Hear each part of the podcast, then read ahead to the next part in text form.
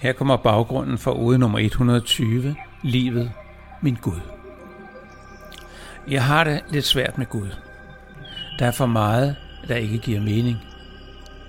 Jeg kan ikke forstå, at troende mennesker ikke stiller flere spørgsmål, er mere kritiske.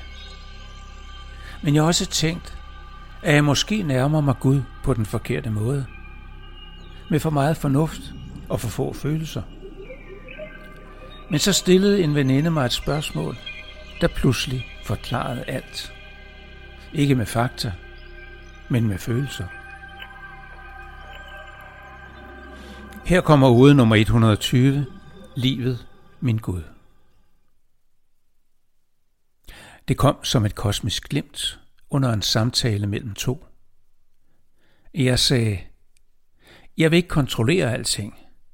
Jeg har tillid til, at livet fører mig derhen, hvor jeg gør mest gavn. Hun spurgte, er det ikke det, Gud gør? Jeg var lamslået. Det var som at blive taget med hånden i kagedåsen. Med et kunne jeg se det, med et forstod jeg, af min aversion mod tanken om en Gud, bundet i min opfattelse af Gud som en person, godt hjulpet på vej af religionen og kirken. Fader vor, siger de, og han skabte os i sit billede. Det er da ikke mærkeligt, at man ser en person for sig, eller i det mindste et væsen med menneskelige egenskaber, og dermed et væsen, hvor man kan forvente menneskelige handlinger, eller i det mindste handlinger, som vi mennesker kan forstå med vores sunde fornuft. Når jeg nu i stedet formulerer min tro som en tro på livet, altså ikke livet som en fysisk foretelse, men som et åndeligt begreb. Og når jeg forsøger at genkalde de følelser, som denne tro skaber i mig, så forstår jeg pludselig de følelser, som Guds begrebet vækker i mange mennesker. Gud er slet ikke så konkret og håndgribelig, som jeg har gjort ham. Og derfor skal han heller ikke dissekeres og analyseres i detaljer og vurderes med fornuften. Men jeg må indrømme, gamle associationer hænger fast, og jeg har det stadig svært med ordet Gud.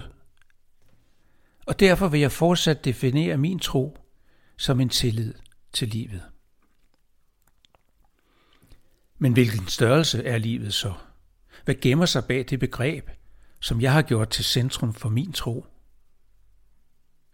Jeg opfatter ikke livet som en bevidsthed, for en bevidsthed tænker og træffer beslutninger, og det er ikke sådan, jeg mærker livet. Jeg vil hellere kalde det en væren, noget der bare er. Er her hele tiden. Overalt. Omkring mig og med mig. Måske også i mig. Ikke noget, der styrer mig, men noget, der holder hånden under mig og støtter mig, hvis jeg giver det lov. Og jeg ved, at det elsker mig og vil elske mig, ligegyldigt hvad jeg gør. For det kender mig bedre end jeg selv. Og det ved, at jeg er nødt til at handle præcis, som jeg gør. Jeg ved, at jeg vil forsøge at forstå denne væren, som jeg kalder livet, så længe jeg lever. Ja, sikkert også derefter. Og det vil jeg gøre velvidende om, at jeg aldrig får de endelige svar, og at jeg aldrig vil kunne læne mig tilbage og sige, hvorfor sagde du ikke det med det samme? For denne søgen, denne livslange ekspedition, giver min tilværelse mening. Bitte små erkendelser kommer drøbende uafbrudt, og hver eneste af dem er en lille aha-oplevelse. Jeg tror, du bliver nødt til at give mig ret. Det er da ikke nogen dårlig måde at leve et liv på, vel?